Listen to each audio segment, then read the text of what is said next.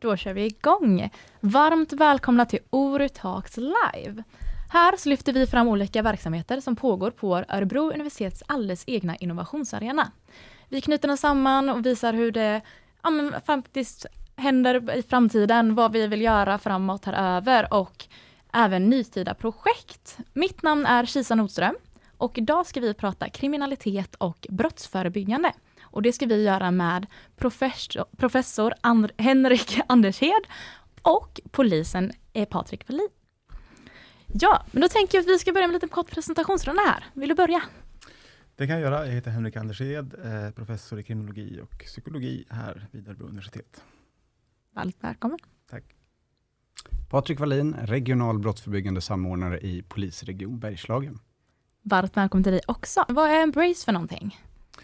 Embrace är ett digitalt verktyg så att man får hjälp med att kartlägga brottslighet och eh, annat otrygghetsskapande. Man kan markera in vart man tycker att det är otryggt, otrygga platser. Eh, det kan vara gator och torg, parker.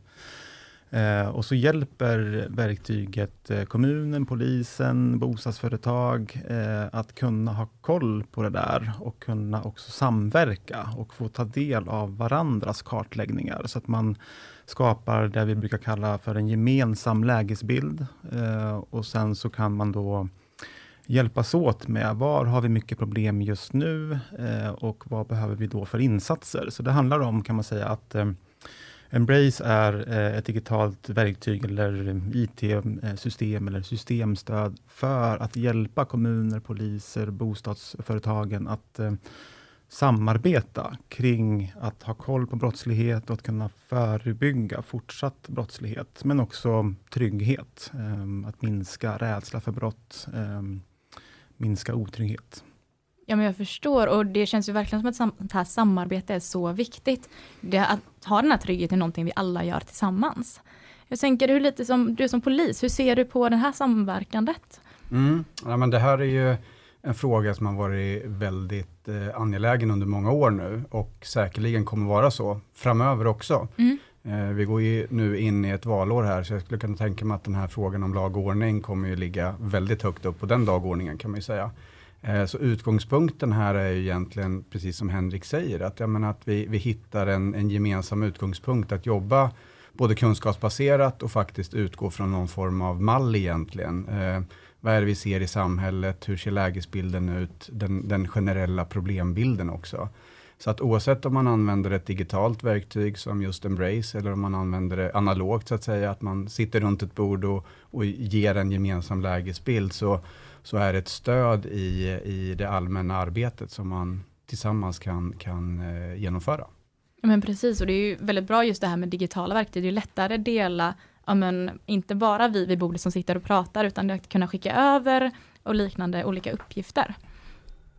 Kommer lite hjälpreda här mitt i. men var kommer idén ifrån? Det började ju faktiskt på Örebro universitet. Um, ja, men jag förstår varför du tror det. Uh, men men uh, jag tänker inte att det alls är egentligen min idé. Jag tänker mer att det är Patrik och hans kollegors idé och kommunens idé och um, vårt fantastiska allmännytta bostadsföretag Örebro, ÖBO, mm. Örebro Bostäder AB, som eh, innan jag och vi från kriminologen här vid Örebro universitet kom in i bilden, eh, hade liksom ett behov av att samverka bättre och att göra det på ett systematiskt sätt. Man ville kunna vara lite mer proaktiv och mer förebyggande. Istället för att det händer saker och så reagerar man och så försöker man tänka, vad kan vi göra åt det här så att det inte händer nästa gång? Att verkligen ha koll på det i tidigt skede. Och då, oj ursäkta, så började man ju samverka på det där sättet och började skicka mejl till varandra och börja ha telefonmöten och börja kanske titta på, kan vi ha någon Excel-mall och sådär. Eh, och här någonstans så började vi, vi har haft ett regelbundet sam, samarbete övergripande, men då började vi prata med varandra eh, om, eh, finns det något mer man kan göra? Kan man göra någonting som är effektivare, som är lite smartare, som bygger in lite mer liksom, eh, datakraft och, mm. och dataintelligens i att det är enkelt att rapportera in, att det sker lite automatiska sammanställningar, att man kan göra effektiva saker när man får in en händelse och hur den visas på en karta. Kan man ha värmekartor som visar, alltså heatmaps, som visar vart vi har mest koncentrationer. Eh, och då blev jag nyfiken. Eh, går det att göra någonting sånt? Och på den vägen är det kan man säga att då eh, alltså idén kan man säga är en eh, jättebra exempel på en verksamhetsbehov. Mm. Ett tydligt verksamhetsbehov och där jag egentligen bara tar emot idéerna och eh, har gjort någonting med det. Mm. Så kan man väl säga. Men det är ju nästan grunden till all innovation, allt som kommer att hända. Det är ju att hitta det här behovet. Och det har Ja. ni ju verkligen gjort. Och det här Mm. samarbetet. Men hur, hur långt tillbaka är detta? När började ni? Ja, men det är väl snart eh, tioårsjubileum tror jag. Ehm, där. ja, men jag tror att behovet eh, uppstod väl egentligen någonstans 2012, 2013 och det var ju Mm. egentligen som en efterlöpare eh, efter det som hände i Husbykravallerna i Stockholm. Så, så var det ju ett, eh, hade vi väldigt stora problem med det här i Örebro i flera av våra bostadsområden och där någonstans så började vi fundera eh, tillsammans med kommunen och tillsammans med ÖBO och tillsammans med andra aktörer också, eh, föreningar och, och civilsamhälle i våra bostadsområden. Alltså kan vi göra någonting tillsammans? Kan vi proaktivt, så att säga utan att sticka upp fingret i luften och känna vart vinden blåser, kan vi veta Eh, hur lägesbilden ser ut? Kan vi vara där innan någonting händer så kan vi förebygga. Vi vet ju att brott och otrygghet kostar väldigt mycket pengar eh, och utsattheten för brott eh, kostar väldigt mycket otrygghet också, vilket gör att kan vi vara där på plats, inte bara polisen då, utan kommunen eller andra aktörer och faktiskt förebygga, föregripa det här så kan vi ju eh, jobba väldigt bra och inriktat utifrån dem och faktiskt kanske också öka tryggheten och minska brottsligheten. Så att där någonstans 2012, 2013, det var väl där egentligen som Mm. den här analoga samverkan då egentligen tog fart ordentligt och vi började liksom spåna någonting framåt. Och sen har ju det arbetet, alltså EST, effektiv samordning för trygghet, så att säga utmynnat i ett ännu mer inriktat arbete och fördjupat samarbete. Plus att då andra eh, kommuner och andra polisregioner också tittar på den här frågan och, och har liksom anammat det. Så det känns, det känns superbra liksom att, att utifrån det här väldigt lokala verksamhetsbehovet sen också kunna liksom sprida den här idén. Och den har ju faktiskt hållit i sig och vi har Mm. jobbat eh, med de här frågorna under väldigt lång tid nu, så det känns bra. Och verkligen, och verkligen hittat rutiner tycker jag. Jag är otroligt imponerad av hur polisen, kommunen och andra eh, verkligen gör det här varje vecka. Alltså det är någonting som har satt sig i det operativa. Man har veckomöten och man har territorialmöten som vi kallar det, där man analyserar lite djupare. Och man har det verkligen oavsett liksom sjukdom och semestrar, eh, för att man ser hur, hur otroligt viktigt eh, det är. Ehm, sen tänker jag i historiebeskrivning där, ungefär 2015-2016, då började vi på allvar utveckla Embrace. Mm. Eh, och eh, sen 2016-2017 så kan man väl säga, så liksom håller vi på och mejslar i det för att få till det så bra som möjligt. Och sen så mm, från 2018-2019 så har vi liksom börjat släppa det till andra kommuner och idag är det ungefär 30, 30 kommuner i Sverige som använder det. Um, och det finns ett jättestort intresse för det. Sen tänker jag att det är viktigt att säga det, det som Patrik säger, att eh, Embrace är ju egentligen bara ett verktyg eh, och arbetssättet är det vi kallar för effektiv samordning för trygghet. Och Det är ju just det här med att man samverkar, polis, kommun och andra. Och andra, det kan ju vara företag, det kan vara affärer i city, det kan vara privata fastighetsägare. Anledningen till att vi nämner Öbo här, Örebro Bostäder AB, det är för att de är en stor eh, kommunalägt eh, bostadsföretag som äger en stor andel av bostäderna i våra mer utsatta områden, där vi, där vi har en del problem. Eh, Så ÖBO har liksom ett stort intresse av trygghetsfrågan och brottsförebyggarfrågan. Så just i Örebro så är ju liksom vårt allmännytto och bostadsföretag en väldigt viktig aktör. Mm, mm. Sen kan det variera lite från kommun till kommun, hur stora de är, så att säga. Hur det, liksom det kommunala bostadsföretaget, hur stora de är. Men här har ju de varit väldigt viktiga. Mm. Så effektiv samordning för trygghet, EST, det skrev vi sedan en handbok, en vägledning om, som kom ut 2015-2016, finansierad av Brottsförebyggande rådet. Och den handboken ehm, eh, har blivit väldigt spridd. Alltså det arbetssättet har blivit väldigt spritt. Jag skulle tippa att det är mer än 100 kommuner idag som liksom jobbar eh, enligt den här Örebro-utvecklade EST-modellen. Helt Och- fantastiskt. Ja, det är jättekul um, och uh, jag gör verkligen stor nytta. Och då kan man säga att liksom EST, arbetssättet och Embrace är ett potentiellt verktyg som man kan använda för att jobba på det sättet. Då. Mm. Också i att det finns en, en, en ganska enkel struktur och systematik i arbetet. Eh, att, att dela lägesbilder och problembilder med varandra är någonting som, som har kommit väldigt starkt eh, de senaste åren och kommer säkerligen ligga ännu starkare framöver. Eh, bland annat kanske för att kommunerna nu kommer få ett lagstadgat eh, brottsförebyggande uppdrag och där pratar man ju om, eh, om lägesbilder och problembilder eh, och också att göra analyser av vad som faktiskt är ett problem, till exempel i en kommun. Mm. Och då kan man inte göra det enskilt, utan då måste man ju ta in andra aktörer också som så att säga kompletterar den bilden och, och, och faktiskt eh, också en del av åtgärdspaketet så att säga. Eh, det finns ju ingen självändamål att bara samla in lägesbilder eller problembilder, man måste göra någonting åt dem också.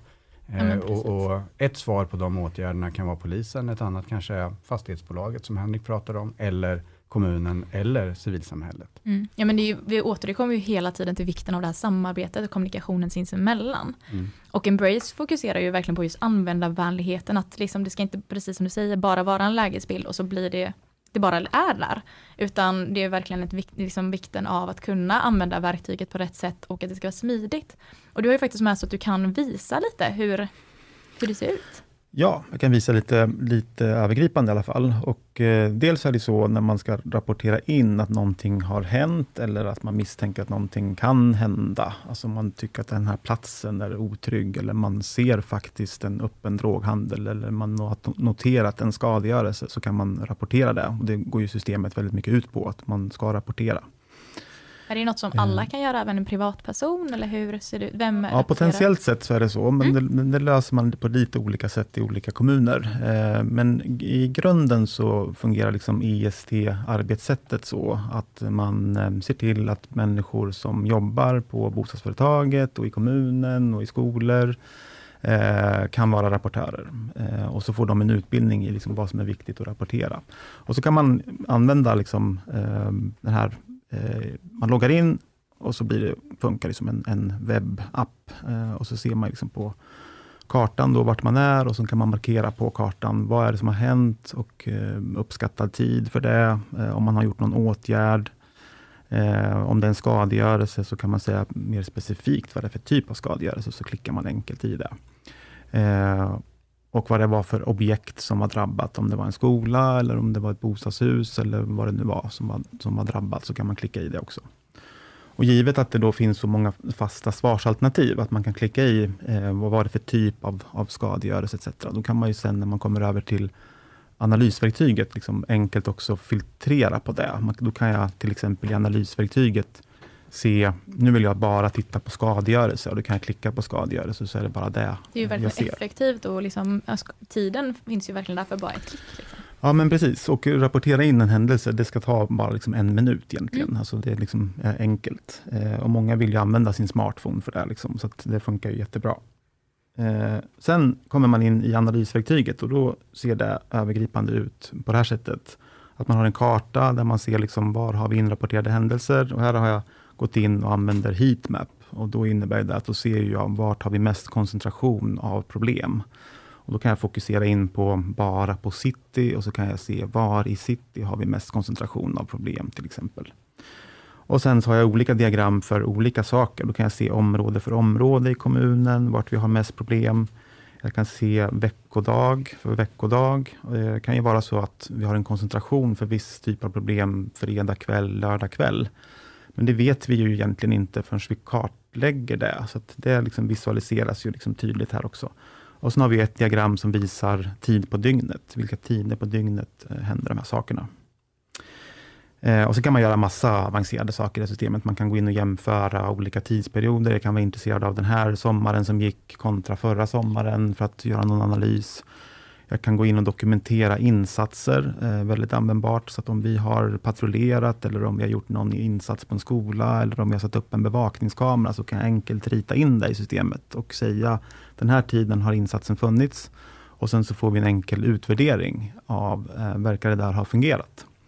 Och Det där är också en, en, en väldigt viktig sak i brottsförebyggar-Sverige, därför att vi tenderar att, eh, eller rättare sagt, vi har en historik kan man väl säga. Jag vet inte om du håller med om det Patrik, men att vi har väl inte varit världsbäst kanske på att utvärdera det vi gör. Eh, eh, vi behöver utvärdera mer, så det där har vi lagt mycket liksom möda på inom ramen för Embrace, att verkligen få till enkla sätt att utvärdera insatser. Så det är vi mm. väldigt stolta över att vi också har fått in. Det är någonting som har kommit de senaste två åren eh, i Embrace. Fanns mm. inte från början. Mm. Liksom. Ja, nej, men det blir väl lätt också att man lägger mycket tid på bara så pappersarbete och så blir det tråkigt pappersarbete och då hamnar det i sidan.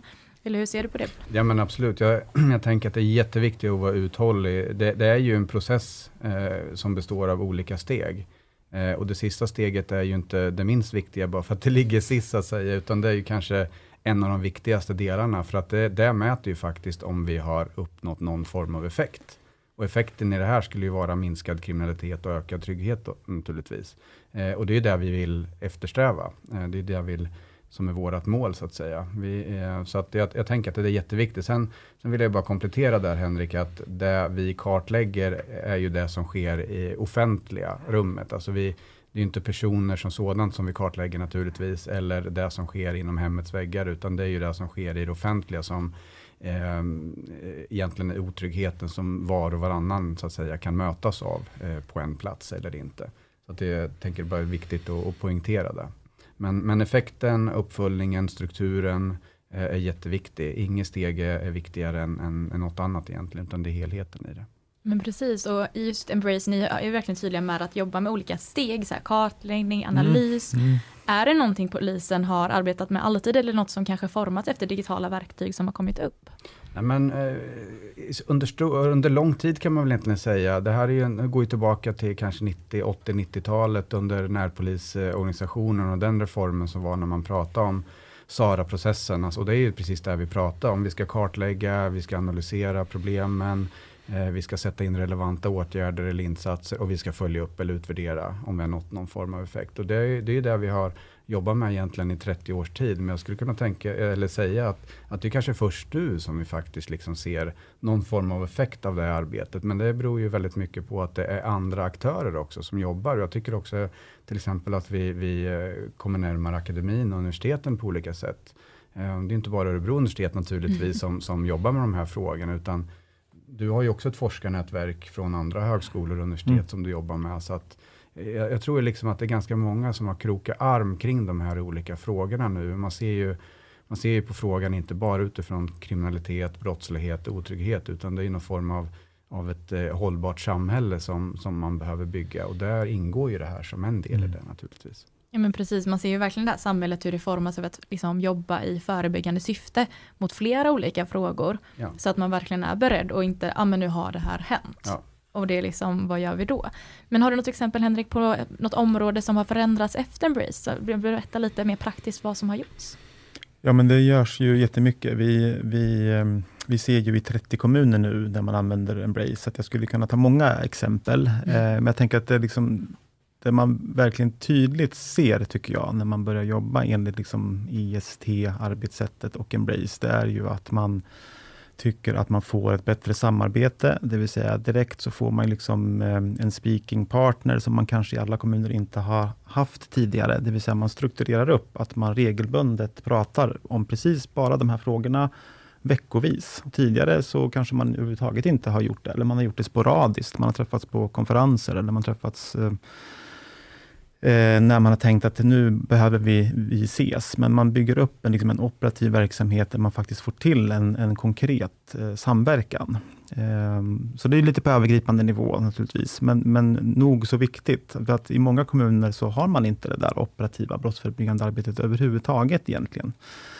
Eh, utan man, det blir lite mer after the fact. När det har hänt allvarliga saker så tänker man, nu kanske vi måste se över hur vi ska se till att det där inte händer igen. Eh, men nu blir det verkligen ett mer operativt eh, samverkande brottsförebyggande arbete. Eh, och Det handlar ju verkligen också då om att, bara så att man liksom tydliggör det för lyssnarna här som kanske inte är så där jättebekanta med eh, förebyggande, alltså brottsförebyggande. Det, I media så tänker jag så är det nästan bara brottshändelser. Det vill säga det är, liksom, det är skjutningar och bombningar och, och hemskheter. Eh, och med andra ord så får vi en väldigt snedvriden bild också av brottsligheten, därför vi får ju bara höra om de mest extrema händelserna. Men framförallt så får vi ju inte höra om det fantastiska förebyggande arbetet som man bedriver i Örebro kommun. Eh, för det är inte så slagkraftigt i media. Det är inte så många som klickar på liksom det rosa skimrande förebyggande arbetet kontra en allvarlig våldshändelse. Tyvärr, kan man väl säga. där kanske man kan tänka i och för sig att många kommuner kan bli ännu bättre på att proaktivt berätta vad man gör, liksom, mm. Eh, för att bli en liten motvikt mot den här snedvridna media, mediabilden.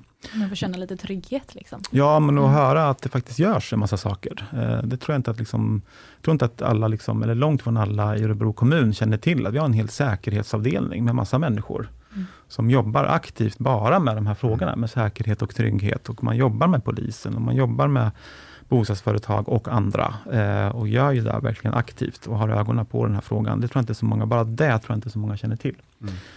Men jag skulle komma till det, vad, vad förebyggande då är här, det är att vi ju gör saker, vi försöker göra saker så att brott som kan begås aldrig begås. Så att en aktuell fråga, tänker jag, vaccin. Vi kan tänka på det här som brottsförebyggarens vaccin. Alltså vi vill vaccinera människor och platser, situationer, eh, idrottsevenemang, nattklubbar. Vi vill vaccinera dem så att det inte det sker brott där. Vad kan exempelvis göras då? Ja, och vaccin då eh, i det här sammanhanget, eh, om vi pratar nattklubbsverksamheter, då kan det vara till exempel att vi jobbar mot forskningsbaserade riskfaktorer som vi vet kan vara triggers för våld i, i de miljöerna. Och då handlar det om att hålla nere alkoholkonsumtionen, att försöka förhindra över, överkonsumtion och överservering av alkohol på nattklubbar. Det handlar om att se över så att vi inte får provokationer och frustrationer i onödan. Det vill säga vi ser över så att det inte är för trångt. Därför att om vi har både onykterhet och trängsel, så vet vi att då har vi en väldigt, väldigt tydligt ökad risk för våldsincidenter. Så I nattklubbsmiljöer till exempel, så kan det handla om sådana saker. Se över kösystemet, så att eh, när man puttar längst bakifrån, så ska man inte bli puttad längst fram, utan vi delar in med kedjor i sektioner.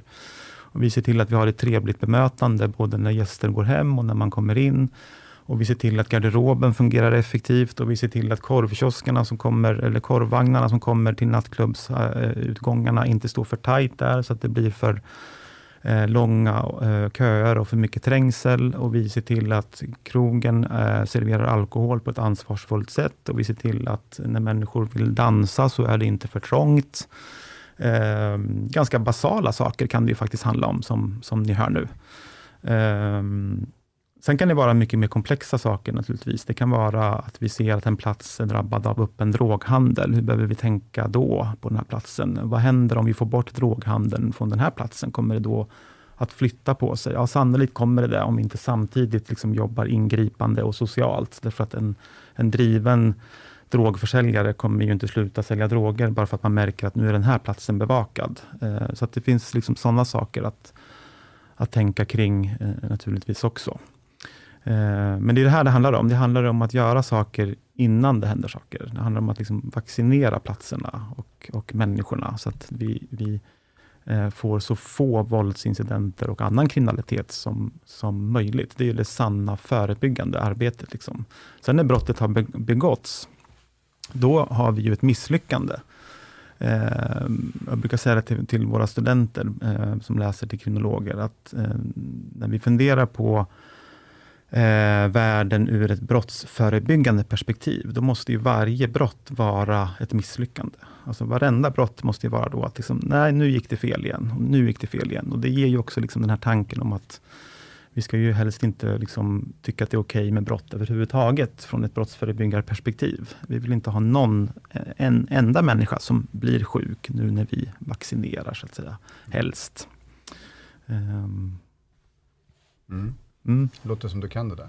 Ja, jag försöker. Ja, nej, men jag tänker, jag hade en jätteträff, eller spännande träff igår till exempel med med utredargrupper inom polisregionen. De har ett nätverk där och då pratar vi just de här delarna för att, för att det är klart att det, ett brott kan ses som ett misslyckande men, men eh, en brottsanmälan eller en förundersökning är ju också en del egentligen i ett förebyggande arbete. Det handlar om att ge upprättelse till brottsoffren. Det handlar om att kanske försöka förebygga så att det här inte händer igen. Både för de som är utsatta men framförallt de som kanske har utsatt andra, alltså gärningspersonerna. Så att för våran del så fortsätter egentligen det förebyggande arbetet genom hela den resan. Både från det att brottet har, har skett och inträffat under hela förundersökningen. Så där, där tror jag liksom att vi inom Polismyndigheten, eller polisen behöver liksom se till att vi, vi får en helhet i det arbetet också. Och att, att det förebyggande arbetet kan vara någonting som, som sker i olika delar under olika processer så att säga. Så att det där tänker jag är jättespännande och tror jag faktiskt är också en utveckling. Det handlar inte bara om det som sker i det offentliga eller att, att proaktivt försöka liksom sätta stopp för eh, innan, utan efteråt också kan vi faktiskt göra väldigt, väldigt mycket. Ja men precis, och där blir ni som ja, poliser väldigt viktiga just att vara med hela resan, hela vägen. Att jobba från olika håll och det är ju verkligen något som grundar sig i hela det här samtalet vi har haft idag. Att liksom vi behöver vara med alla tillsammans och alla behöver jobba, jobba med det man, de förutsättningar man har. Och sen då med eh, exempelvis Embrace verkligen kunna få rätt förutsättningar för att ta det vidare. Mm. Det är ju verkligen något som pratas just om att jobba brottsförebyggande, det är mycket valfrågor kring det, det kommer antagligen vara väldigt högt upp på agendan. Hur tänker ni bara rent spontant kring de här frågorna? Tänker du kriminalpolitiskt då? Liksom, ja, så vad, vad politikerna? Ja. Ja. Sätta för agenda. ja, precis. Nej, men jag, jag, jag, tänker några saker. Och, och, dels så tänker jag på de sakerna som professor i kriminologi, men jag kan också liksom reflektera som väljare. Att jag tycker att det är kriminalpolitiken eh, är eh, lite ensidig och, och eh, förenklad. Eh, och jag tycker att politikerna gör ett misstag i att man nog tänker att väljarna kan inte ta emot ett mer komplext budskap än vi ska ha fler poliser och vi ska ha strängare straff.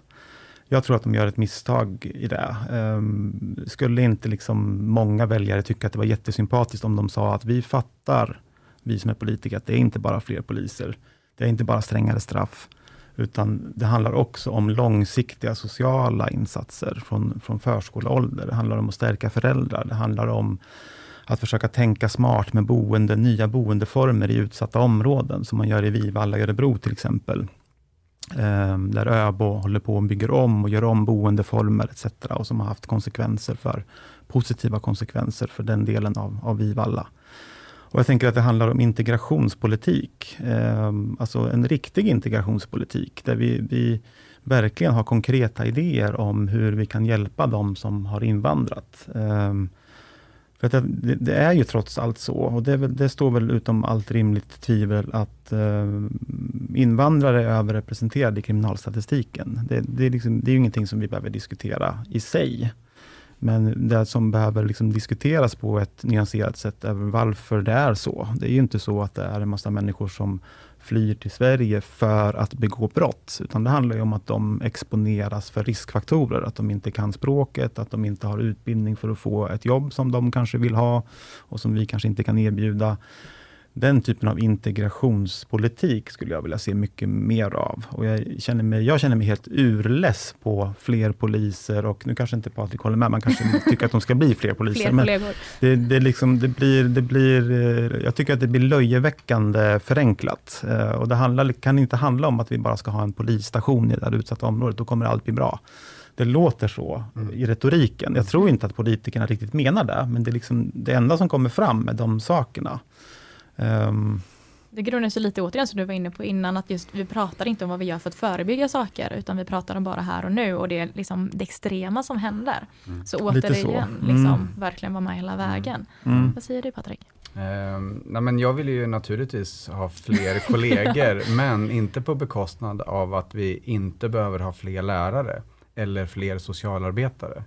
Uh, och, och tänker man liksom in andra grupper som också faktiskt kan jobba med, med trygghetsfrågor, brottsförebyggande eller för, förebyggande frågor rent allmänt, så är det väl liksom de här klassiska frågorna kring alltså välfärdsfrågor, vård, skola, omsorg på riktigt. Liksom. Det är där vi behöver ha eh, Plus eh, också det repressiva som Polismyndigheten kan, kan så att säga stå för naturligtvis. Så att det, det är liksom en balansgång i det där. Jag tror ju, jag tror ju Ehm, alltså det, det läget vi befinner oss lite nu, där vi har pratat om här utifrån EST och eh, alltså fördjupad samverkan mellan olika, olika aktörer, är ju en jätteviktig del. Eh, sen tror jag också liksom de här grundkunskaperna som vi har kring risk och skyddsfaktorer, varför vissa begår brott och, och hur man ska stötta och, och bygga på med mer skyddsfaktorer till exempel. Det, den, den grundkunskapen tror jag vi har i mm. hög utsträckning, utan nu är det ju väldigt mycket liksom fokus på det faktiska operativa arbetet. Tillämpa alltså, den ja, tillämpa, mm. gräva där vi står och jobba på liksom med den mm. grundkunskapen. Men vi, vi behöver absolut bli fler poliser, men vi behöver bli fler lärare, vi behöver bli fler socionomer, eh, socialarbetare rent generellt kring de här frågorna. Det, det handlar, Precis, det handlar ju verkligen om att bredda liksom, perspektivet från alla ja, ja, håll. Mm. Ja, men precis. Alltså den här, jag håller också med en, en väldigt ensidig bild som, som trädde fram kring det här. Mm. Ehm, och eh, vi kan göra mycket men vi kan inte, vi kan inte göra allt inom polisen. Nej. Vi ska inte göra allt heller. Nej, nej, men eller hur. Det behövs alla, från alla håll och kanter. Vi ska börja runda av lite. Är det någonting ni känner att ni vill få sagt eller få med som vi inte har pratat om eller tagit upp? Eller trycka på extra? Jag tycker det är spännande med det nya förslaget på lagstiftningen som Patrik nämnde kort tidigare. Eh, nu råkar jag eh, sitta och lusläsa den för jag ska, jag ska ansvara för universitetets remissvar på den. Eh, så, så kanske är lite osakligt insnöad på den. Men jag tror jättemycket på den. Det vill säga det är ett lagförslag om att kommuner får lagstiftat på sig att de ska bedriva ett brottsförebyggande arbete. Mm många, många gör ju det och i Örebro så har vi exempel på att de verkligen gör det. Eh, men det är, vi har 290 kommuner och alla har inte liksom rustat upp i den här frågan, om man uttrycker det så. Alla har inte liksom riktigt satt ordentliga resurser. Alla har inte en heltidsbrottsförebyggare som liksom Örebro och många andra har. Ehm, och här avkräver man ju att kommunerna ska samordna det brottsförebyggande arbetet eh, och blir faktiskt en riktigt viktig kugge. Det vill säga att man ska samordna till och med polisens brottsförebyggande, alltså man ska vara kuggen där.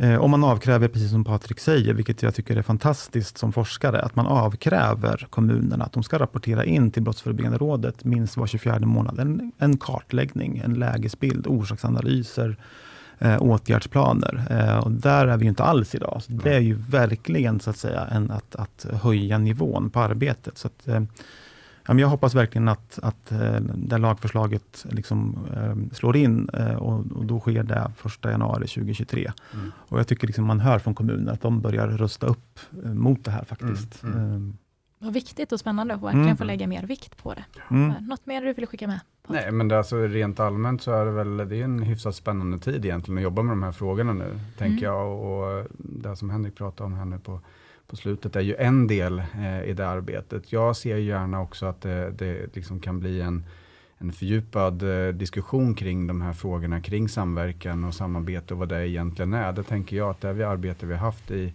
i Örebro och där vi har i väldigt stor utsträckning i vår polisregion. Det är tre län då, det är Dalarna, Värmland och Örebro län. Där jobbar man utifrån den här strukturen och systematiken. Men det finns, men bra kan bli mycket bättre också Det kan naturligtvis. Så att eh, vi har ju naturligtvis utmaningar att jobba med, men, men det är väldigt spännande att jobba med de här frågorna just nu, för att det händer mycket på den här fronten och det är många fler aktörer som så att säga hakar på här nu, så att det, det gäller liksom att, att vara med, tänker jag. Vi har verkligen haft så mycket spännande och snackat om hur mycket som helst egentligen, fått med väldigt mycket.